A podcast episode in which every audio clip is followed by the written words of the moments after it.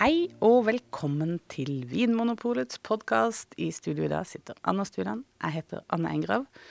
Og temaet i dag, Anders, det er prøveteknikk. Mm. Eh, Prøveteknikk, også kalt eh, noen kaller det smaketeknikk, f.eks. Ja, det er jo også en måte å si det på. Mm. Um, og vi tenkte vel at vi skulle begrense oss til det å smake vin. Mm. Ikke det at det er sånn veldig eh, stor forskjell mellom det å smake vin og f.eks. brennevin. Um, men no, noen små forskjeller.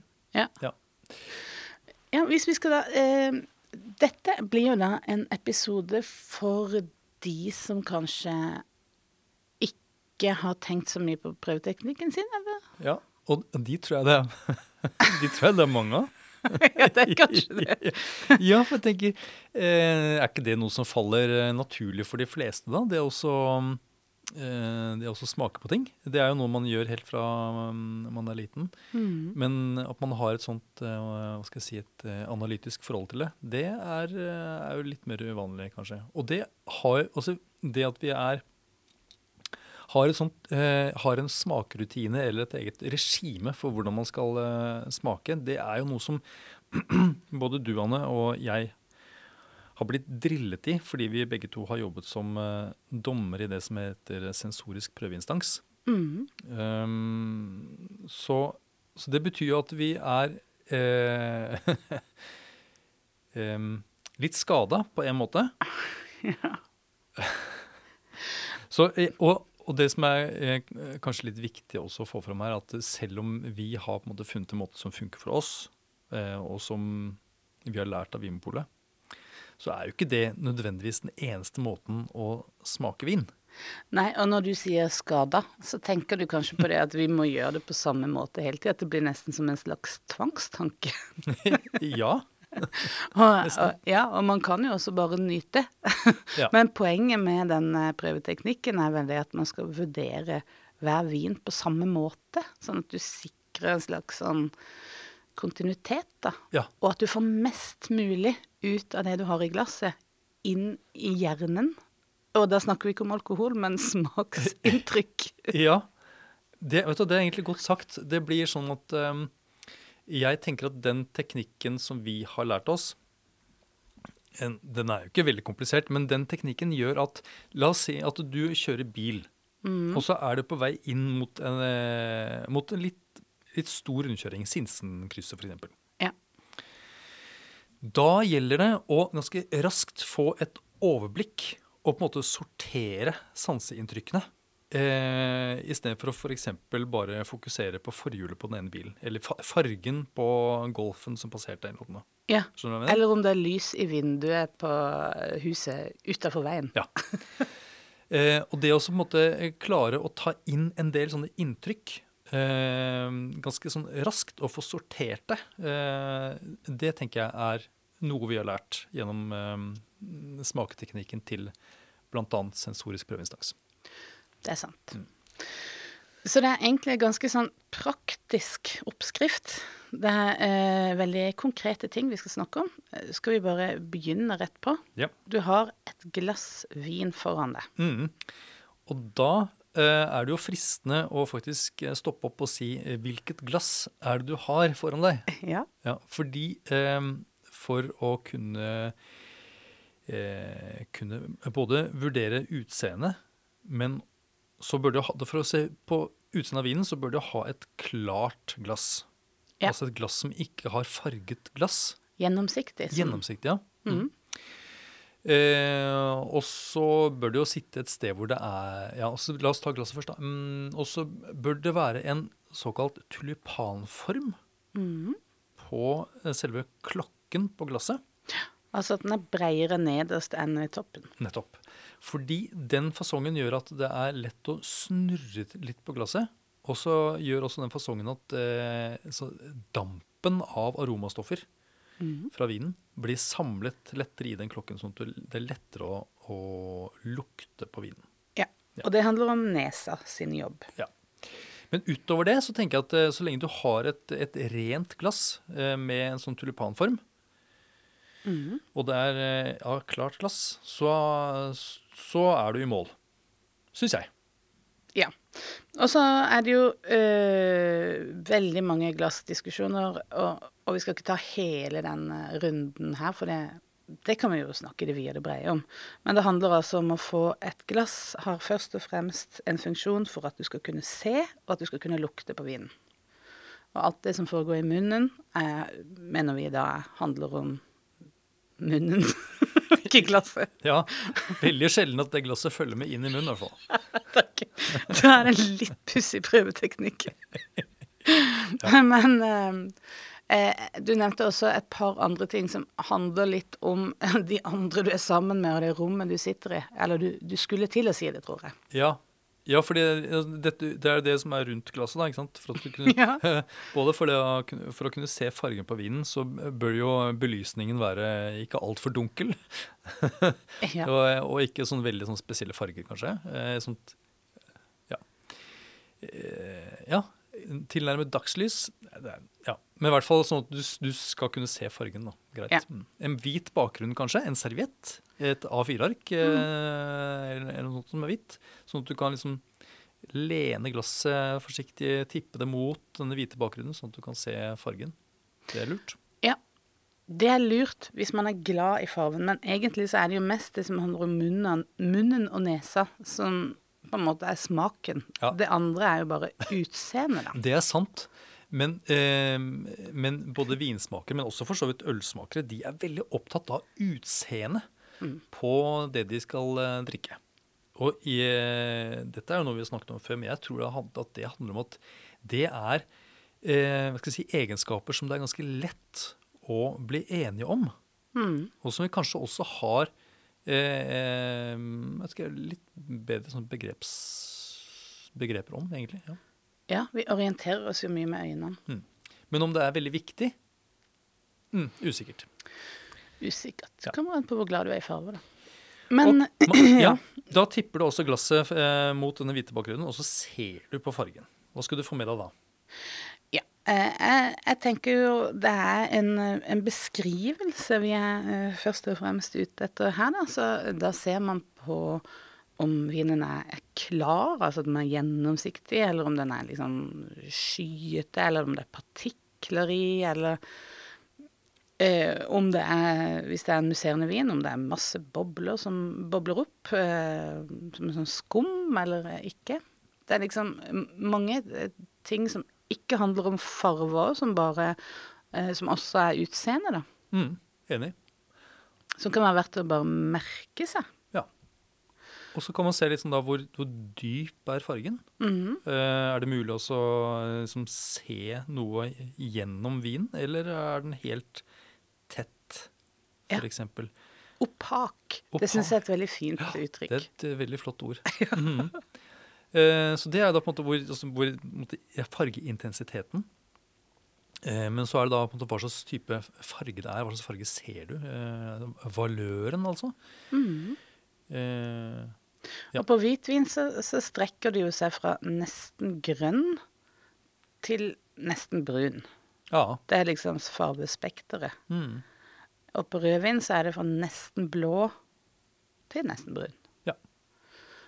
Men litt, det er litt sånn Den brune rødvinen sånn er litt annerledes enn den brune hvitvinen, vil du ikke si det? Hvis ikke de er blitt skikkelig gamle, da. Da er de blitt nesten like. Ja. Ja, Da blir de nesten som, sånne, som jeg liker å si, som et pensjonistpar. Ja. Så, så, hvis du ser dem bakfra, så ser de veldig like ut. Ja, det er litt hyggelig. Ja. Men, det, men det, altså da, som eh, vi antyder her, da, så er det jo lenger ut på den der brunhetsskalaen du kommer, så jo, eh, er det en indikasjon på alder. Ja, helt, helt enig. Ja, OK. Um, og da um, Uh, og da har altså vi uh, Nå skal vi ikke snakke så mye om uh, hvordan vi, man vurderer kvaliteten i denne omgangen. Vi skal bare liksom Beskrive. Bare gå gjennom hvordan man lager beskrivelsen. Ja. Mm. Så nå har du på en måte beskrevet da fargen, utseendet på vinen. Og du har kanskje gjort opp da noen forventninger. Ja. Det, det, er veldig fort gjort å få forventninger ut fra ting ja. man plukker opp. Tenker du at det er en fordel eller en ulempe når du skal beskrive vin på en god måte? Det å få disse forventningene. Jeg tenker det nesten er umulig å unngå. Eh, men jeg, jeg tror det er også en del av prøveteknikken. Det er det å prøve å være så eh, på en måte nøytral som overhodet mulig. En slags sånn nullstilling. Og det er egentlig en konsentrasjonsøvelse, for det er så lett å bli liksom avspora på en observasjon eller, eh, eller noe helt annet du tenker på, for så vidt òg. Men det å gjøre en god beskrivelse handler jo egentlig om å, å konsentrere seg. Ja, jeg er, jeg er helt enig. Litt som når du hører på musikk òg. Noe musikk kan du bare liksom uh, ta inn uten å liksom konsentrere seg så mye. Men, mens noe musikk må du liksom eh, lytte til. Og dette handler vel egentlig om hvordan man kan lytte da, til Ja. vinen. Jeg er helt enig. Og jeg, jeg tenker vel det at eh, det er naturlig å få noen forventninger når man bare, bare du har sett på vinen. Eh, hvis du f.eks. er veldig glad i mørke, tette viner, f.eks. Du har vært på noen selskaper og vært veldig hyggelig og drukket mørk og tett vin, og så kobler du det med noe som er bra. Eh, men jeg tenker at det er virkelig en, det er en ulempe eh, å begynne å, å la hjernen jobbe på den måten. Mm. fordi da det kan føre galt av sted. Det kan gjøre at du går glipp av ting. Eh, og jeg er veldig enig med at eh, det derre Det er sånn It's a state of mind. Ja, ja, men det er Ja, litt det. litt sånn som når du skal, eh, hvis du skal meditere, f.eks. Da skal du bare fokusere f.eks. på høyre lilletå. Eller, Ja, ikke sant? Eh, akkurat sånn. sånn at du renser bort alt det andre. Eh, og jeg tenker at det å begynne å vurdere kvaliteten, det skal du egentlig vente med Mm. helt til slutt. Til at du på en måte har beskrevet vinen fullstendig. Du skal på en måte være litt sånn iskald, litt nøytral, på en måte. Det tror jeg er det viktigste Ja. eh, smaketeknikktipset man kan gi. Ja. Og da, det, det, det er en mental øvelse, det, altså. Jeg, jeg merker veldig fort at eh, det psykologiske aspektet har veldig lett for å ta overhånd uh, i, for meg. Det er ofte da jeg kan liksom skjære ut og, og på en måte både misforstå vinen og misforstå kvaliteten. Ja. Og, mm. Jeg er helt enig. Og det er noe med altså, Hvis du ser fargen på vinen, så, uh, og vinen er Nå kan jeg bare komme med et eksempel. da. Eh, en hvitvin og en rosévin f.eks. syns jeg eh, veldig ofte kan være ganske like på lukt. Altså aromaen fra en rosévin og en hvitvin eh, kan være ganske like. Men hvis du ser at det er en rosévin, så er det ofte at du beskriver aromaen i vinen med noe sånt som røde bær. Mm. Men det gjør du ikke hvis det er en hvitvin. Nei. Og det tror jeg er i, eh, Da er disse forventningene. Du, du penses inn på et spor eh, fordi du har sett fargen. Så hvis du klarer å unngå det, så tror jeg du vil bli en, eh, en eh, mye bedre smaker. Og kanskje en som til og med kan eh, skape litt eh, diskusjon rundt, eh, rundt bordet.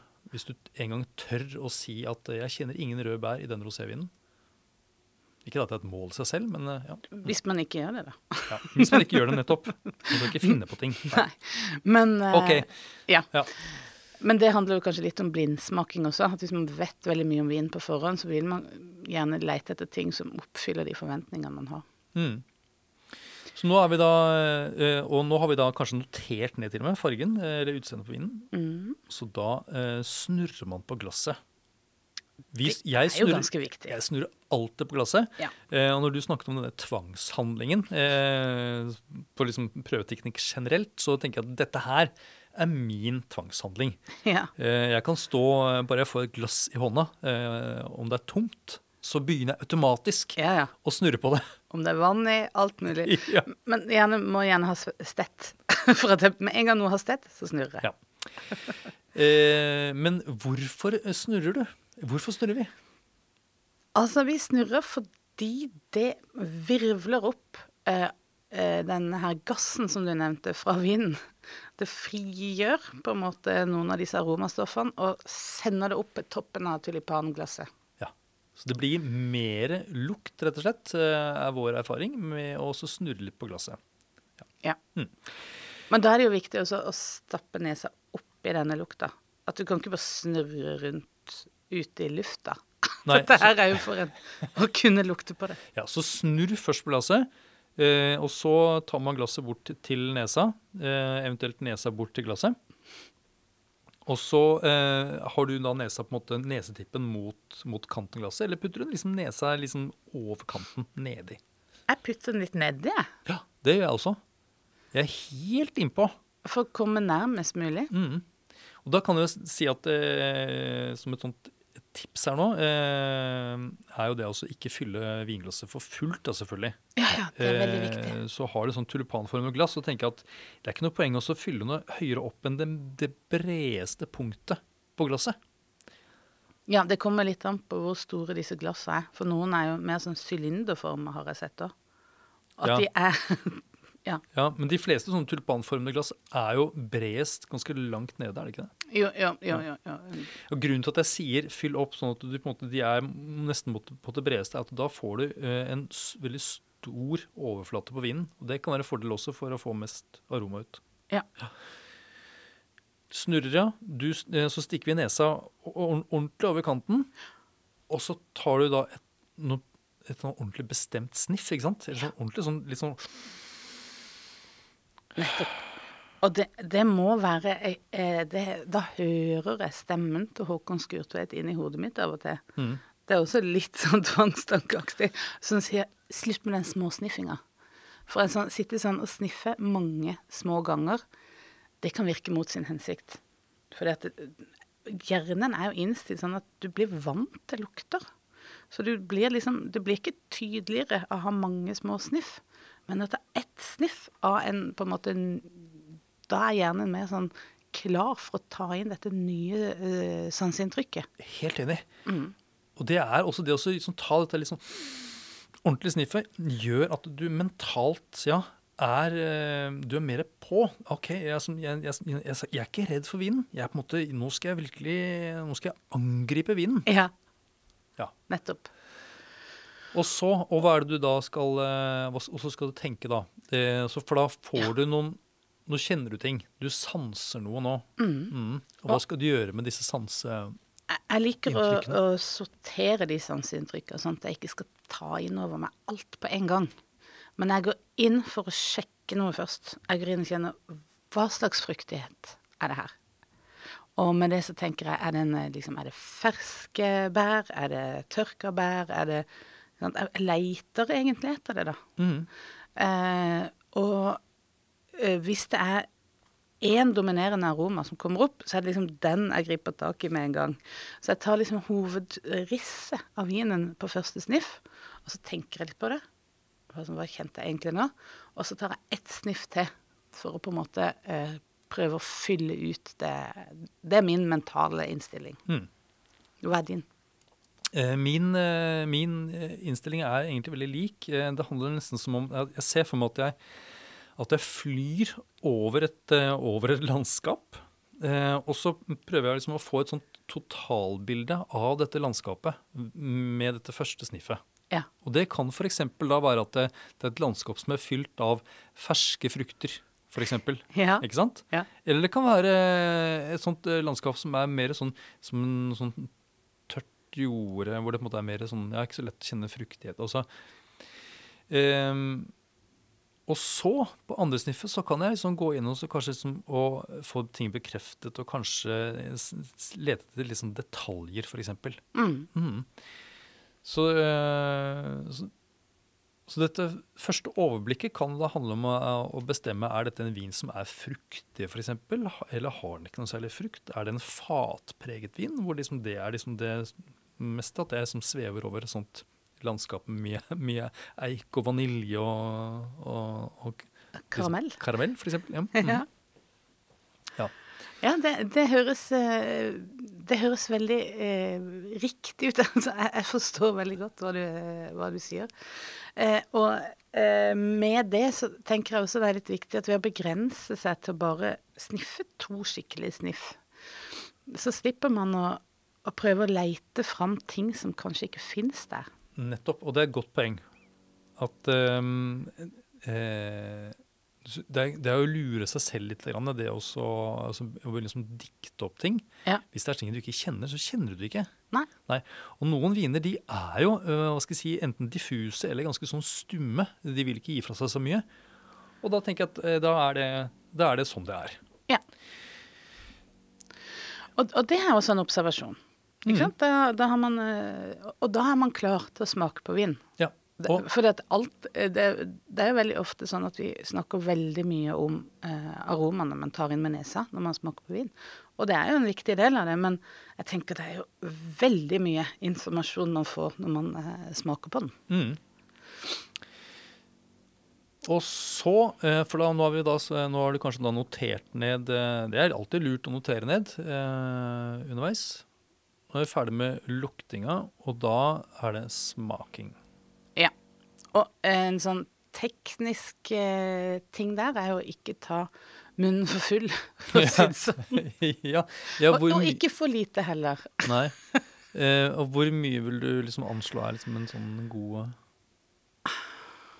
Eh, Hvordan skal man Jeg har jo ikke målt det akkurat. Nei, eh, kan man si at den er en halvfull munn? Ja, Er det greit? Sånn, eh, ja. ja sånn at eh, Det er ikke sånn at eh, når du har vinen Hvis du har hodet helt rett nå skal jeg, Dette er ikke en vitenskap, men jeg bare ser for meg hvis jeg har hodet helt rett, så dekker det liksom hele tunga. ja. Ja, men Det er egentlig godt sagt. Ja, Da ser jeg for meg at, liksom at badekaret er halvfullt. si. ja. Eh, og så er det jo sånn Når vinsmaker blir framstilt på, på, på film, og sånt, og så står de gjerne liksom og slurper og gurgler eh, veldig lenge. Gjør nesten sånne fluorskyllassosiasjoner for det. Ja, se her, jeg smaker vin. Vi har skikkelige runder rundt. Eh, Gjør du det, Anne? Nei, jeg gjør ikke så mye det, men jeg lar jo vinen gå en runde eller to rundt i munnen, så jeg får dekka liksom hele munnen med vin. Ja. Sånn at jeg merker meg liksom For det handler jo om munnfølelse mest for meg, da. Når du så får dekka vin, eh, munnen Munnhulen med Ja. vin, så merker man jo på en måte litt mer hva slags tekstur vinen har. Ja. Det, smaken blir kanskje tydeligere. Ja. Så det, eh, det du sier, er at eh, det som er viktigst, egentlig, altså det er jo selvfølgelig å få vinen inn i munnen. Ikke ta Mm. for lite, ikke ta for mye. Og jeg tenker også eh, du, det er lurt å kanskje venne seg til én mengde. Eh, altså, altså mengden på altså størrelsen på slurken. Mm. Prøv å på en måte trene til å måte, gjøre, ta den samme mengden hver gang. ja. Det kan Det tenker jeg kan være lurt. Eh, for klart, begynner jeg smaker sånn at Noen ganger så smaker du store slurker, andre ganger små slurker. Så, så vil du jo bedømme vinen ulikt, tenker jeg, for, for hver gang. Ja, spesielt på rødvin, tenker jeg, med, med snerp. Mm. Ja. At hvis det er veldig lite, tar veldig lite inn i munnen, så vil du kanskje ikke få det helt riktige inntrykket av, av snerpen. da. Mm. Og da også når vi er inne på det, så tenker jeg at det er en fordel å ta én innledende slurk som du ikke, ikke, liksom ikke legger så mye merke til. Bare sånn for å liksom gjøre klar munnen. Ja. Fordi eh, hvis du ikke har smakt noen ting, eh, noe, noe, noe vin eller noe, så er på en måte munnen veldig sånn godt dekket av spytt. Og da kan den første slurken eh, være litt sånn villedende, på en måte. Mm. Fordi du ikke legger merke til snerp så godt, f.eks. Så hvis du ikke har Helt i begynnelsen av smakingen, ta én slurk, eh, spytt ut, og så kan du ta liksom den første slurken, for da tenker jeg da har du på en måte fått gjort klar munnen din. da. Ja. Så få dekket munnhulen, og så Jeg tror at jeg har vinen inni munnen fire sekunder. Så lenge. Nå telte jeg til fire. Eh, ja. Ja. Det, den er Ikke for lenge. Min mor sitter alltid og har vin i munnen kjempelenge. Bare, Svelg! Svelg den, mamma! For det, det er ikke noe poeng, det heller. Nei. Eh, nei og så eh, hender det vel at jeg på en måte tar inn litt luft eh, samtidig, men det er jeg usikker på om det er noe poeng, egentlig. Ja, det er bare blitt en, kanskje en slags vane. Eh, men det handler jo litt om det samme som når vi svirrer på glasset. At man vil på en måte frigjøre disse her gassene. Ja. Men eh, jeg tror jo at både det at man får vin inn i munnen, som er varmere enn utafor munnen, så vil det jo på en måte åpne seg litt opp bare der. Og så når Vi spytter jo som regel, da. Mesteparten av all vinen jeg har smakt, har jeg jo spytta ut igjen. og, eh, eh, og med det så tar jeg på en måte Puster ut. ja, nettopp. For nå kommer egentlig det viktigste, tenker jeg, Ja. med det å putte vinen i munnen. Det er jo eh, etter at man har spyttet den ut igjen. Mm. For da har du dette et sånt vinlag i munnen som har blitt varmet litt opp. Ja. Så kommer alle disse eh, dampene igjen. Og så sitter du og liksom Ja, ut med nesa. Ja, kan du ikke fortelle litt? Hva er det du gjør da? Altså, jeg, hvis jeg skal prøve å se se det helt for meg, så er det jo nesten som du liksom dytter tunga litt opp, og sånn det skyver gassen opp. Er det det du gjør? Ja, jeg gjør en sånn Dytter tunga opp? Eller en slags sånn breakdance. Jøss. Mulig at jeg bare fantaserer. Nei, men det er jo litt det handler jo om å få den eh, vindampen opp gjennom eh, Opp til nesa.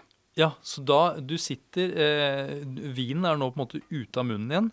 Mm. Du sitter bare med dampen i munnen, og den vil du på en måte ha presset litt opp i, i nesehulen. Og, og derfor så på en måte bruker du liksom tunga for å på en måte gi den en liten sånn sprett opp i Ja, jeg gjør noe jeg, Nå klarer jeg ikke helt å liksom forklare hva jeg gjør, men jeg, jeg gjør jo en bevegelse. Jeg kan beskrive at det, Anne, du, du lager en sånn, en sånn trut, trutmunn. Og like, like etterpå så blåser det luft ut og, av, av nesa. Ja. Mm. Og jeg tror at jeg, jeg gjør nok det samme. Jeg, jeg tror jeg på en måte klemmer på en måte munnen litt sammen. Sånn at det blir sånn, sånn, som- nesten som en blåsebelg. Og så, på en måte, så presses da lufta ut av nesa. ja. Ja. Det høres jo litt komplisert ut når vi sier det men det handler jo egentlig bare om å puste Gi en sånn Trekker- utpust. Ja, At du trekker lufta inn gjennom munnen, og så blåser den ut gjennom lufta. Nei, ut gjennom nesa. Det er egentlig Ja, og det er det vi kaller for eh, det retronasale sukket. Ja. Ja. Jeg liker at det er et sukk og ikke et pust. Mhm. For det er liksom et sukk, det er liksom litt ettertanke. Nettopp, for det er det det handler om her. At det, fordi eh, det er nå registreringen av eh, aromaen, og spesielt altså det som man kaller for ettersmak, Ja. eh, kommer. da. Fordi eh, Og her kan vi jo bare minne om det at det tunga klarer å fange opp eh, av en vin, det er det som er det vi kaller for grunnsmakene. Mhm. Søtt, surt, salt, uh, bittert og umami. Uh, mens det som eh, er aromaer, altså det som er på en måte man Lukter. lukter av, Mm. det er det jo det som kalles for det olfaktoriske senteret som fanger opp. Og det er noe som sitter eh, bak i liksom nese, nesehulen, rett og slett. Helt ø, litt langt oppe. I hjernen, egentlig. Ja. Så i ov sånn at det, det er viktig da å få denne dampen opp til dette senteret. Ja. For hvis ikke så blir du bare sittende og smake på grunnsmakene. Og hvis du ikke involverer nesa i dette, Mm. så kjenner du jo da bare grunnsmakene. Ja. Ja.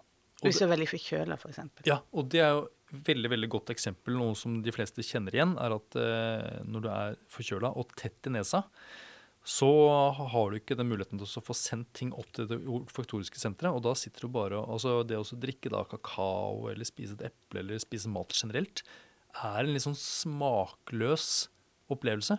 Fordi um, det er så forbindelsen mellom nese og munnhule er da tett.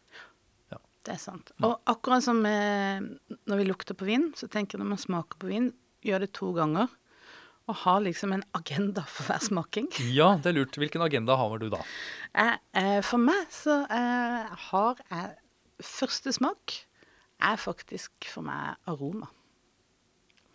Og andre smak handler om struktur. Så eh, første smak handler om det olifaktoriske. Altså det jeg kan liksom puste ut. Ja.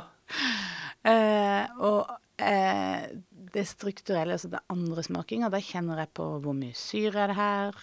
Er det tannin? Er det en saftighet? Er det liksom en oljete munnfølelse? Er den veldig slank og spiss, på en måte?